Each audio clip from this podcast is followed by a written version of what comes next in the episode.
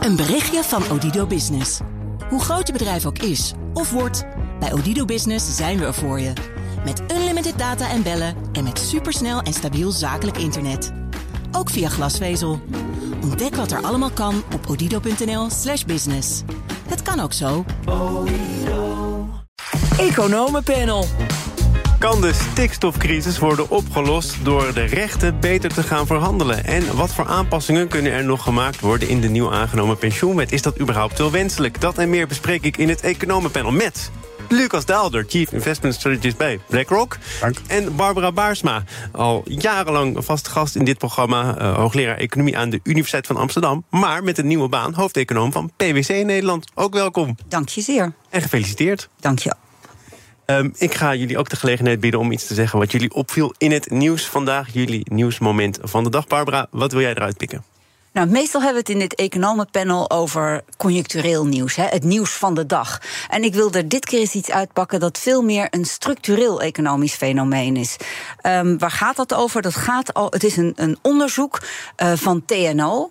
Um, dat duidelijk maakt dat we de afgelopen 15 jaar. Dus sinds 2009 hebben ze gekeken. Um, eigenlijk veel te weinig investeren in RD, in innovatie als Nederland. Ze hebben ons vergeleken met België en Duitsland.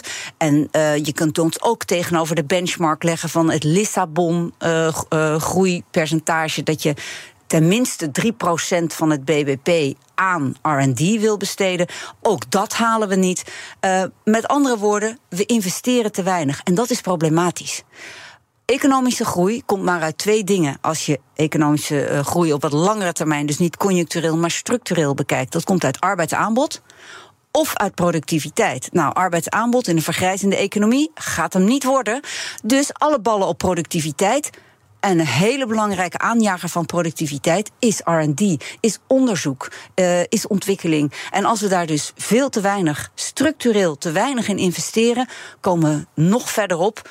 Uh, en het groot probleem daarvan is niet zozeer dat ik om groei voor groei ben, maar ik ben wel voor een goed gevulde schatkist en daarvoor heb je groei nodig. Ik vrees dat het jou niet verbaasd heeft, de conclusie nee, van TNO. Helemaal Want niet. het is een conclusie van de afgelopen jaren. Ja, en ik, elke keer weer maar blijf ik me er zorgen om maken. En nu er een kabinetsformatie aan de gang is, dacht ik, ik pak dit nieuws er weer uit. Niet in de veronderstelling dat zij direct misschien dit horen, maar misschien via hun luistervinken wel. Uh, en dat ze het gebruiken om het uh, investeringsklimaat bijvoorbeeld um, hun eigen regelingen die er zijn om innovatie en RD aan te jagen, om die niet op het spel te zetten. Wees daar consistent. Doe er een schepje bovenop. En zorg dat die schatkist ook in de toekomst goed gevuld kan blijven. Zodat we hele belangrijke dingen als defensie, onderwijs, zorg, maar ook sociale zekerheid kunnen blijven betalen. Van uh, de Nederlandse investeringen die achterblijven naar nieuws uit Hongkong. Lucas, wat speelt daar? Ja, nou goed, het is niet uh, economisch, ja, tot op zekere hoogte ook economisch. De Hang Seng-index is natuurlijk toch wel een beetje een punt van zorg de laatste tijd. Uh, en vorige week sloot de Amerikaanse beurs, de S&P 500, op een all-time high. Nou, je kan eigenlijk zeggen dat de Hang Seng-index, ja, all-time is misschien een beetje overdreven, want de data gaat niet verder terug dan 2013. Maar als je naar de koers-winstverhouding van de Hang Seng-index kijkt, die handelt op dit moment op 7,8 keer. En dat is de laagste niveau wat eigenlijk in die periode dat we daar data hebben in elk geval uh, ooit heeft aangetikt. Dus een uh, absolute dieptepunt daar. Ja, is dat een weerspiegeling van de Chinese economie, de status van de Chinese economie, of speelt daar meer? Het is deels een weerspiegeling van de, de zorgen rond de Chinese economie. iedereen maakt zich natuurlijk zorgen over de vastgoedsector daar. Tegelijkertijd kun je wel zeggen dat de Chinese economie over het algemeen nog wel meer groeit dan bijvoorbeeld Amerika of Europa. De groeicijfers liggen tussen de 4 en 5 procent. Ik denk dat dat voornamelijk een reflectie is van de onzekerheid. Er zijn vrij weinig beleggers die op dit moment nog de sprong durven te nemen om in China te beleggen. Maar jij gaat ook geen duwtje geven die richting op, denk ik, of wel? Nou, ik, ik zou zelf daar ook wat haken en ogen aan kunnen uh, voor, voorstellen. Nee, maar als je puur kijkt naar Amerika. Amerika, daar ligt het echt geopolitiek veel te gevoelig. Uh, in Europa heb je toch echt wel zorgen over meer de ESG-kant. De, de governance uh, is een van de punten van zorg hier. Dus ik denk eigenlijk dat een herstel niet zozeer van de buitenlandse investeerders moet komen, maar veel meer van de binnenlandse investeerders. En daar zie je eigenlijk dat iedereen veel meer geïnteresseerd is om op dit moment in Japan te beleggen. We gaan naar onze eigen binnenlandse thematiek crisis, zoals je wil noemen. De stikstofcrisis die kan deels worden opgelost door de invoering van verhandelbare emissierechten. Is de opvatting van Sander Gaastra, de hoogste ambtenaar van het ministerie van Economische Zaken en Klimaat. Traditiegetrouw schrijft de SG een nieuwjaarstuk in het economenvakblad ESB. En Gaastra stelt een systeem voor stikstofhandel voor dat vergelijkbaar is met de huidige CO2-aanpak. Europees wordt dat op die manier georganiseerd. Barbara, zonder al te diep in die techniek te hoeven duiken, maar hoe zou dat er ongeveer uit moeten gaan zien? Ik wil eerst zeggen, ik was afgelopen donderdag bij EZK. Eh, want uh, Sander Gaastra had ook een, ja, een debat georganiseerd. En ik mocht reageren op zijn artikel. En ik ben daar begonnen, en dan doe ik nu weer, met hem te complimenteren. Want hij steekt hier wel zijn nek uit. Uh, en hij pleit ervoor om schaarste te beprijzen. zodat het land weer vooruit kan. Dat voorafgezet. Wat is een emissiehandelssysteem voor stikstof? Nou, we weten allemaal, mede door de habitatrichtlijn en alle andere uh, gevolgen die dat heeft gehad. kunnen we nu niet bouwen? Uh, zijn er heel veel dingen die we niet kunnen doen, omdat de stikstofruimte die we met elkaar hebben beperkt is. Nou, wat nou als je die stikstofruimte zo gaat verdelen, er het opknipt in rechten die verdeelt aan degene die die rechten nodig hebben om te kunnen produceren. Boeren, bouwers, zoveel andere spelers. En je laat ze die onderling verhandelen. Dan krijgt het een prijs Um, en, kan je, en geef je een prikkel aan al die spelers die die rechten hebben om uh, te gaan innoveren, om te zorgen dat je minder uitstoot. Waarbij genoemd moet worden dat volgens mij de uitgangspositie er wel één is met ook gratis rechten. Ja, dat is ook zo gegaan bij de CO2-emissiehandel uh, uh, op Europees niveau. Dat noem je grandfunderen, waarbij je en hier zit wel, er haken en ogen aan het systeem, maar het principe is goed. Uh, een van de haken en ogen is dat je um, mensen, of eh, de boeren bijvoorbeeld, maar ook uh, andere Um, ondernemingen hebben nu al uitstoot. En als je ze geen rechten zou geven, zouden ze dat allemaal moeten kopen. En dat zou voor een deel van hen onmogelijk zijn. Daarom wil je een deel maar niet te veel. Hier ben ik misschien wat strikter dan uh, de SG. Maar niet te veel gratis weggeven. En dat ook dat weggeven baseren op een uitstoot van een tijdje geleden. Zodat er niet een strategische prikkel is om nu je uitstoot enorm te verhogen. Uh, zodat je maar lekker veel gratis rechten krijgt. En een heel ander belangrijk eh, onderdeel is dat dat uitstootplafond, het totaal, uh, als je al die rechten optelt waar dat op uitkomt, uh, dat dat elk jaar naar beneden gaat. Is volgens mij onderdeel van zijn voorstel, toch? Klopt, ja zeker. Om die rechten af ja, te bouwen. Zeker. En als laatste Um, een uh, ingewikkeld onderdeel hiervan kan nog zijn dat je in sommige gebieden is de gevoeligheid van de natuur veel groter voor stikstof. Wil je daar misschien wat hogere tarieven? Dus je zou moeten nadenken hoe je de tarieven, de prijzen van die emissierechten zou kunnen differentiëren. Dus het is een best ingewikkeld systeem, maar een heel erg, uh, uh, denk ik, go goed om hierover na te denken. Omdat nu zitten we in de klem. en ja, daar gaan we ook niet uitkomen als we geen nieuwe creatieve ideeën durven te opperen. Dus daarom begon ik met complimenten. Complimenten en mits en maren haken en ogen. Wat heb jij ervoor over, Lucas? Nou, voor dit voorstel? Uh, ik vind typisch een oplossing van een econoom. En ik ben zelf ook een econoom, dus ik ben eigenlijk al een voorstander. Hè. Beprijs van wat nou eigenlijk de echte kosten zijn van vervuiling. Dus daar ben ik wel voorstander van. Maar ik heb hier inderdaad wel bedenkingen bij. In die zin, stikstof is natuurlijk toch iets anders dan CO2. CO2-uitstoot in China is precies dezelfde CO2-uitstoot in, in Nederland, laten we zeggen. Dus dat je een internationale CO2-prijs krijgt, nou, daar valt wat voor te zeggen. Maar stikstof is veel lokaler. Uh, dus je zit veel meer met een probleem dat bij een uh, natuurgebied, als daar stikstof stikstof wordt uitgestoten, dat dat eigenlijk veel schadelijker is dan uh, stikstof bijvoorbeeld in de haas van Rotterdam, zeg ik. Als maar als leek, je het daar dan duurder zou maken, bijvoorbeeld, in de buurt van zo'n Natura 2000 gebied? En, en, kijk, het, het, voordeel van een CO2-markt die internationaal precies hetzelfde is, betekent dat je een liquide markt krijgt. Ik kan inderdaad handelen met mensen in China, met mensen in Amerika, dat maakt niet zoveel uit.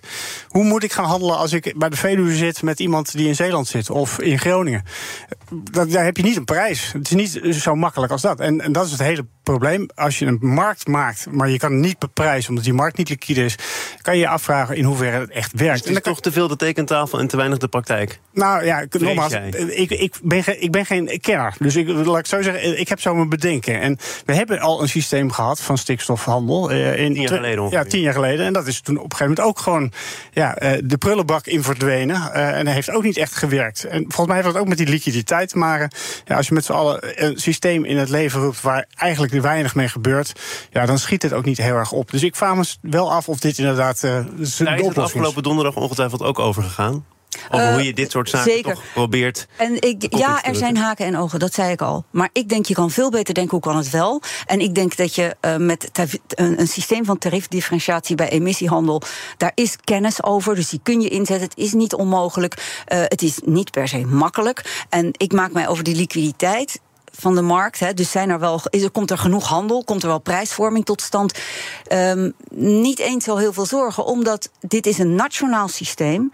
Uh, en er is, uh, in Nederland is dit echt een, een, een probleem. Er is, zijn betalers, er zijn aanbieders. Uh, er, er zal handel optreden. Ja, dat, dat wordt aan de overkant van de tafel dus een beetje betwist. Ja, maar en, nou, kijk, je betwijfeld. Ik weet het niet. Ik zou het niet weten. Nou, er, er zijn systemen geweest. Hè? Dus er is nu eigenlijk impliciet eigenlijk handel alleen per sector. Oh, ja. Mag wel over sectoren heen handelen. Dat noem je extern valide, uh, salderen. Maar het is allemaal heel ingewikkeld. Dus er is al betalingsbereidheid en opkoopbereidheid. Je ziet nu ook allerlei andere oplossingen, waarbij bijvoorbeeld uh, Haven Rotterdam of Schiphol probeert op een andere manier de rechten van de boeren te krijgen. En ik heb dan liever dat je het in zo'n emissiehandelssysteem doet, waarbij de overheid het plafond uh, kan bepalen en verlagen.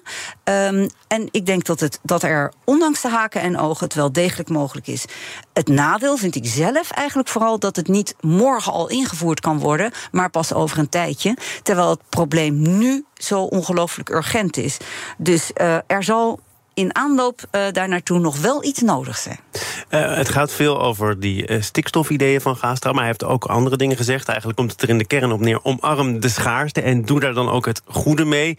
Als je verder kijkt in dat stuk en het interview dat hij later gaf in het FD, Lucas, dan zegt hij ook heel duidelijk: als overheid probeer randvoorwaarden te creëren waardoor de schaarse mensen gaan naar sectoren die veel bijdragen aan de economie. Daar waar we er ook echt wat aan hebben. Eigenlijk een beetje volgend op wat Barbara zegt. Als er dan te weinig is, zorg dan dat je daarmee het goede doet. Hoe zou de overheid dat kunnen stimuleren? Welke randvoorwaarden zijn daarvoor nodig? Nou ja, kijk, de, de econoom zegt inderdaad: uh, probeer het via prijsvorming het enigszins in goede banen te leiden. Of dat voldoende is, weet ik niet. Kijk, volgens mij schetst hij een probleem wat uh, onder economen bekend staat als de cost disease van Baumol. Waarbij je dus inderdaad ziet dat de, de sectoren die relatief lage productiviteit in een economie hebben, dat die een steeds groter beslag leggen op de ja, schaarse middelen die hij. Ja, of daar makkelijk een oplossing voor is. Kijk, de echte oplossing is natuurlijk de productiviteitswinst die je hoopt te behalen. En daar valt nog, wel wat voor te zeggen. Dus je, kan inderdaad zeggen, nou, we zitten aan de vooravond van misschien een nieuwe AI-revolutie. Nou, dan kan je je voorstellen dat bijvoorbeeld de gezondheidszorg, waar iedereen zegt altijd zorgen over maakt. Dat één op de drie mensen over twintig jaar eh, werkzaam zou zijn in die gezondheidszorg. Nou, misschien kan eindelijk die AI tot wat meer productiviteitswinst in, in bijvoorbeeld de gezondheidszorg eh, leiden. En dan uh, heb je echt een wat concretere oplossing voor dit soort problemen. Ik, ik meen me te herinneren dat dat ook werd verwacht van de computer. Ja. En als je Zeker. dat ja, op de lange termijn beschouwt, heeft dat ook niet geleid tot die lang verwachte, gehoopte productiviteitsgroei. Nee, maar toch is dit, als je het hebt over schaarse middelen. Ja, kijk, hoe kun je inderdaad zoveel mogelijk welvaart creëren met schaarse middelen? Is dus inderdaad, inderdaad zoveel mogelijk in te zetten op productiviteitswinst waar mogelijk. En dat moet de overheid doen. Nou, daar kan je dus over twisten. Kijk, dat vind ik uh, het altijd maar weer wijzen naar de overheid. Als Doet hij overigens niet, hè? Volgens nee, nee, nee, nee, nee zijn voornaamste stelling van uh, ja. verwacht niet alles van de overheid. Nee, nee dat zou naar mijn stelling zijn. Uh, bedoel, je kan niet de overheid voor alles naar voren schuiven als de oplossing. dus het zal ook van het bedrijfsleven moeten komen. Barbara, reactie. Natuurlijk moet ook van het bedrijfsleven komen. Maar je kan je geen echte wel, structurele welvaartgroei zonder een sterke markt en een sterke overheid. Afgelopen Um, donderdag ging het er ook heel erg over, want hier had ik een puntje van kritiek op het nieuwjaarsartikel. Oh jee. Uh, ja, ja. Uh, omdat het ja, omarmde schaarste met normen en beprijzen. Uh, en ja, wij stellen algemene randvoorwaarden, maar we kunnen, zo werd het genoemd, eigenlijk niet legoen met de economie. Dus eigenlijk niet sturen. Nee, natuurlijk. Wij zijn tegen industriebeleid oude stijl, hè, waarbij de overheid winnaars kiest en daar allerlei overheidsmiddelen aan geeft. Maar je kunt wel degelijk met algemene randvoorwaarden sturen naar de, een een structuur van de economie die veel meer gebruik maakt van de comparatieve voordelen van dit kleine, dichtbevolkte, hoogopgeleide land. En toen heb ik in de aanbieding gedaan, doe ik nu weer, een denkkader dat uh, het ministerie, de overheid, daarbij kan gebruiken. Om met die algemene randvoorwaarden wel degelijk te sturen. Ten eerste stuur van uh, op toegevoegde waarde gecorrigeerd voor externe kosten, dus milieueffecten. En stuur daarbij van laagwaardig naar hoogwaardig. En stuur van niet locatiegebonden, dat dus ook elders kan, naar locatiegebonden. Wat moet echt hier?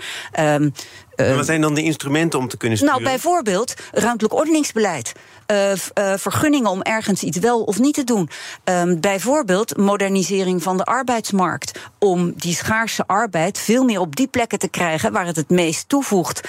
Bijvoorbeeld RD-subsidies op, bij, wat Lucas net noemde, uh, veel meer innovatie in de zorg. Maar ook de ontschotting in de zorg, zodat je die innovatie daar veel meer krijgt. Nou, beprijzen en normeren van die dingen die nu knellend zijn. Hè. Uh, we hadden het over stikstof, maar het geldt voor meer milieueffecten.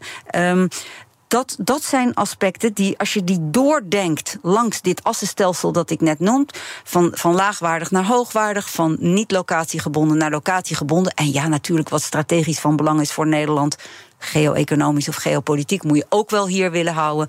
Dus op zo'n manier nadenken, hoef je niet oud industriebeleid te voeren, maar kan je wel degelijk sturen als overheid. Volgens mij noemde hij dat in zijn stuk of in het interview na afloop marktmeesterschap van de overheid. Moet het meer zijn dan dat of niet? Nou, je moet wel regisseren en coördineren. En die algemene randvoorwaarden die je stelt, doordenken wat betekent het voor, um, voor de structuur van de economie. En dat kan je dus niet, ja, we, we zetten het in en marktwerking gaat het oplossen. Nee, denk het dus verder door. Wat betekent dat? Willen wij bijvoorbeeld in de tuinbouw, uh, dat, uh, waar heel veel laagwaardige activiteiten plaatsvinden, willen dat op deze, op deze schaal plaatsvinden? Maar er is ook tuinbouw die heel hoogwaardig is, waar heel veel innovatie is. Hoe kan je daar kaf van het koren scheiden en wel ruimte bieden voor die hoogwaardige tuinbouw. En misschien afscheid nemen van die laagwaardige. Voordat we afscheid nemen, heel kort voor het nieuws, nog even een laatste Reactie van Lucas? Nou, het schetsen van een kader is niks mis mee. Waar ik wel wat meer moeite mee heb, is dat, uh, dat je inderdaad weer te veel de rol van de overheid krijgt van uh, die moet gaan subsidiëren of uh, belastingverlaging voor innovatie en dergelijke. dat kan, maar dit is inderdaad, als je dan toch over schaarste hebt, is een keuze. En er zijn heel veel andere projecten die de overheid ook zou moeten financieren. Ja, dat blijft wat mij betreft wat, wat, wat onduidelijk in deze. Het economenpanel bestaat uit Barbara Baarsma en Lucas Daalder. De Europese Centrale Bank, de ECB, overweegt een renteverlaging in de zomer. Dat zei ECB-president Lagarde in een interview met persbureau Bloomberg op het World Economic Forum in Davos. De zomer dus, Lucas. Financiële markten denken dat het misschien niet bij één renteverlaging blijft. Is het uh, terecht dat Lagarde toch wat voorzichtig oogt? Nou, dat is inderdaad, denk ik, de beste strategie die ze op dit moment kan voeren. Uh, dat is in principe ook wat uh, de chief economist van het IMF uh, in datzelfde Davos volgens mij gezegd heeft. Dat, Iedereen was er, hè? Waar was jij eigenlijk? ja, sorry, ik was niet uitgenodigd, maar misschien volgend jaar.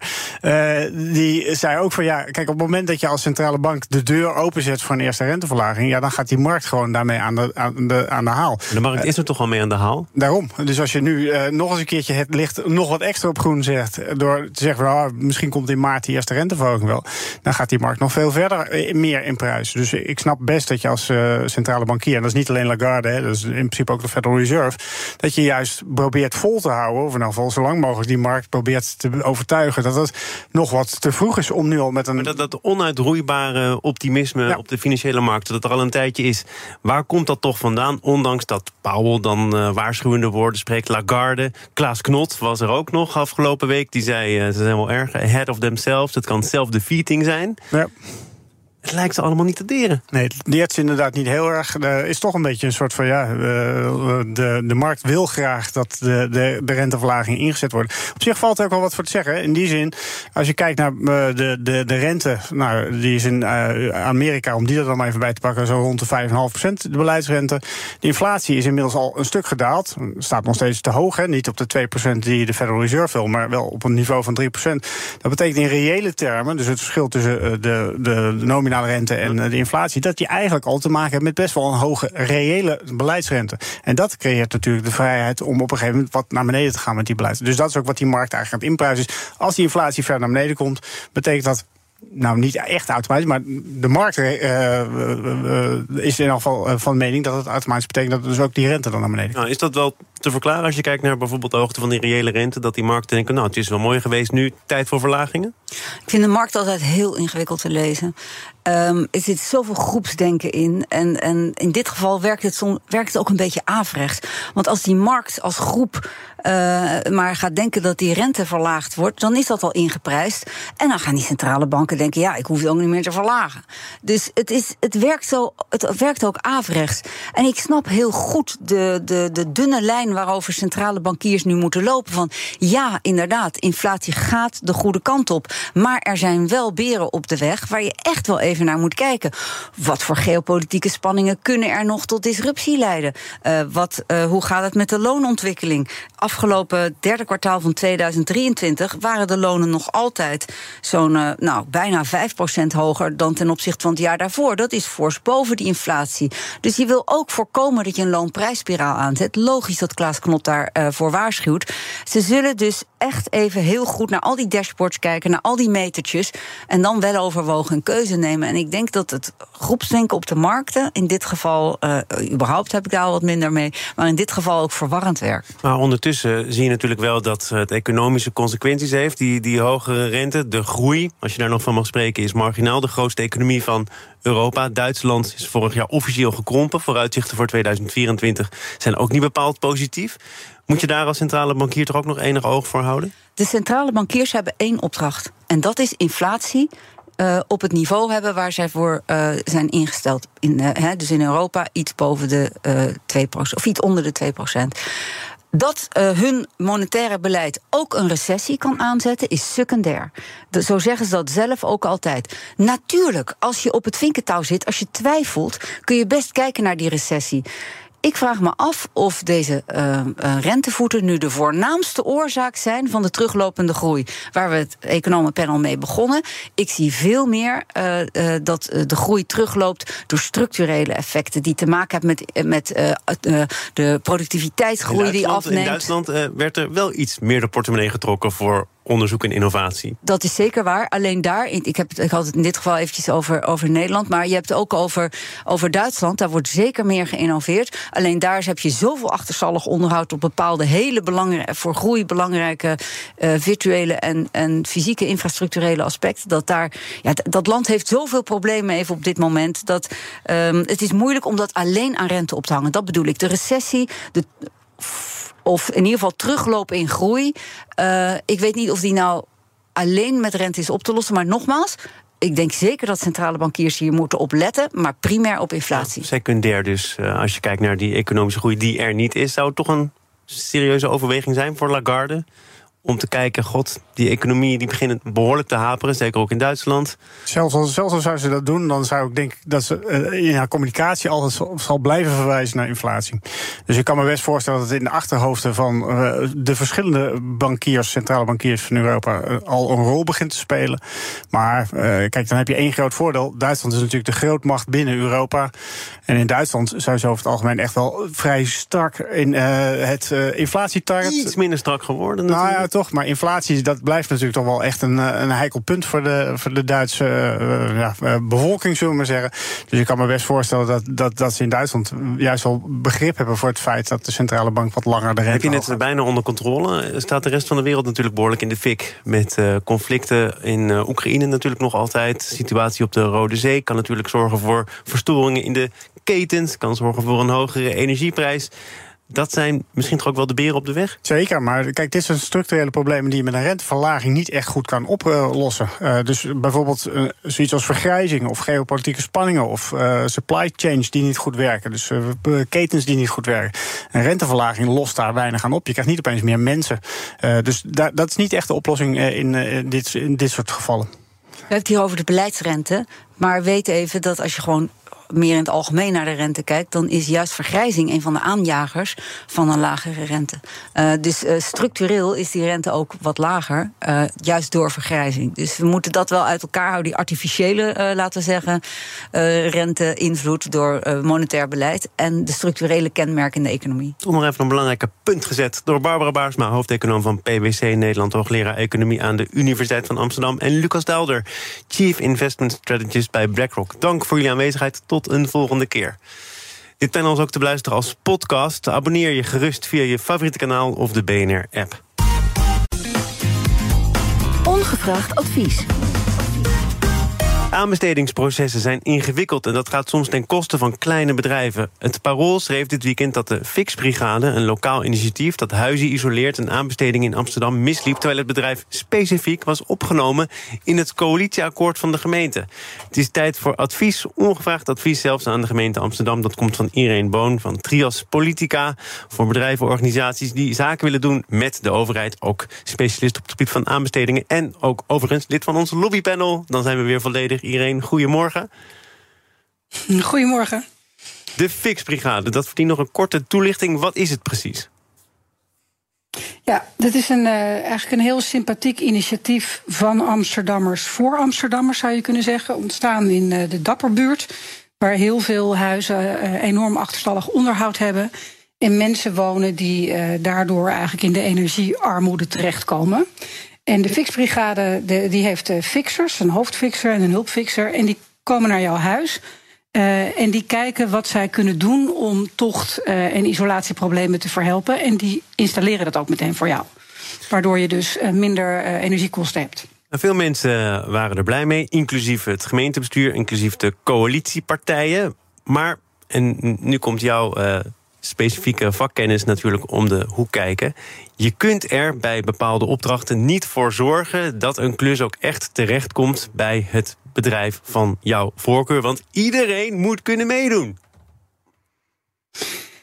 Ja, dat is zo als je kiest voor een aanbestedingsprocedure. Dat is in dit geval uh, gebeurd. Hè. Aanvankelijk was het een subsidieproject. En dan, zonder al te technisch te worden, dan betaal je eigenlijk gewoon voor een activiteit. En dat is dan dat.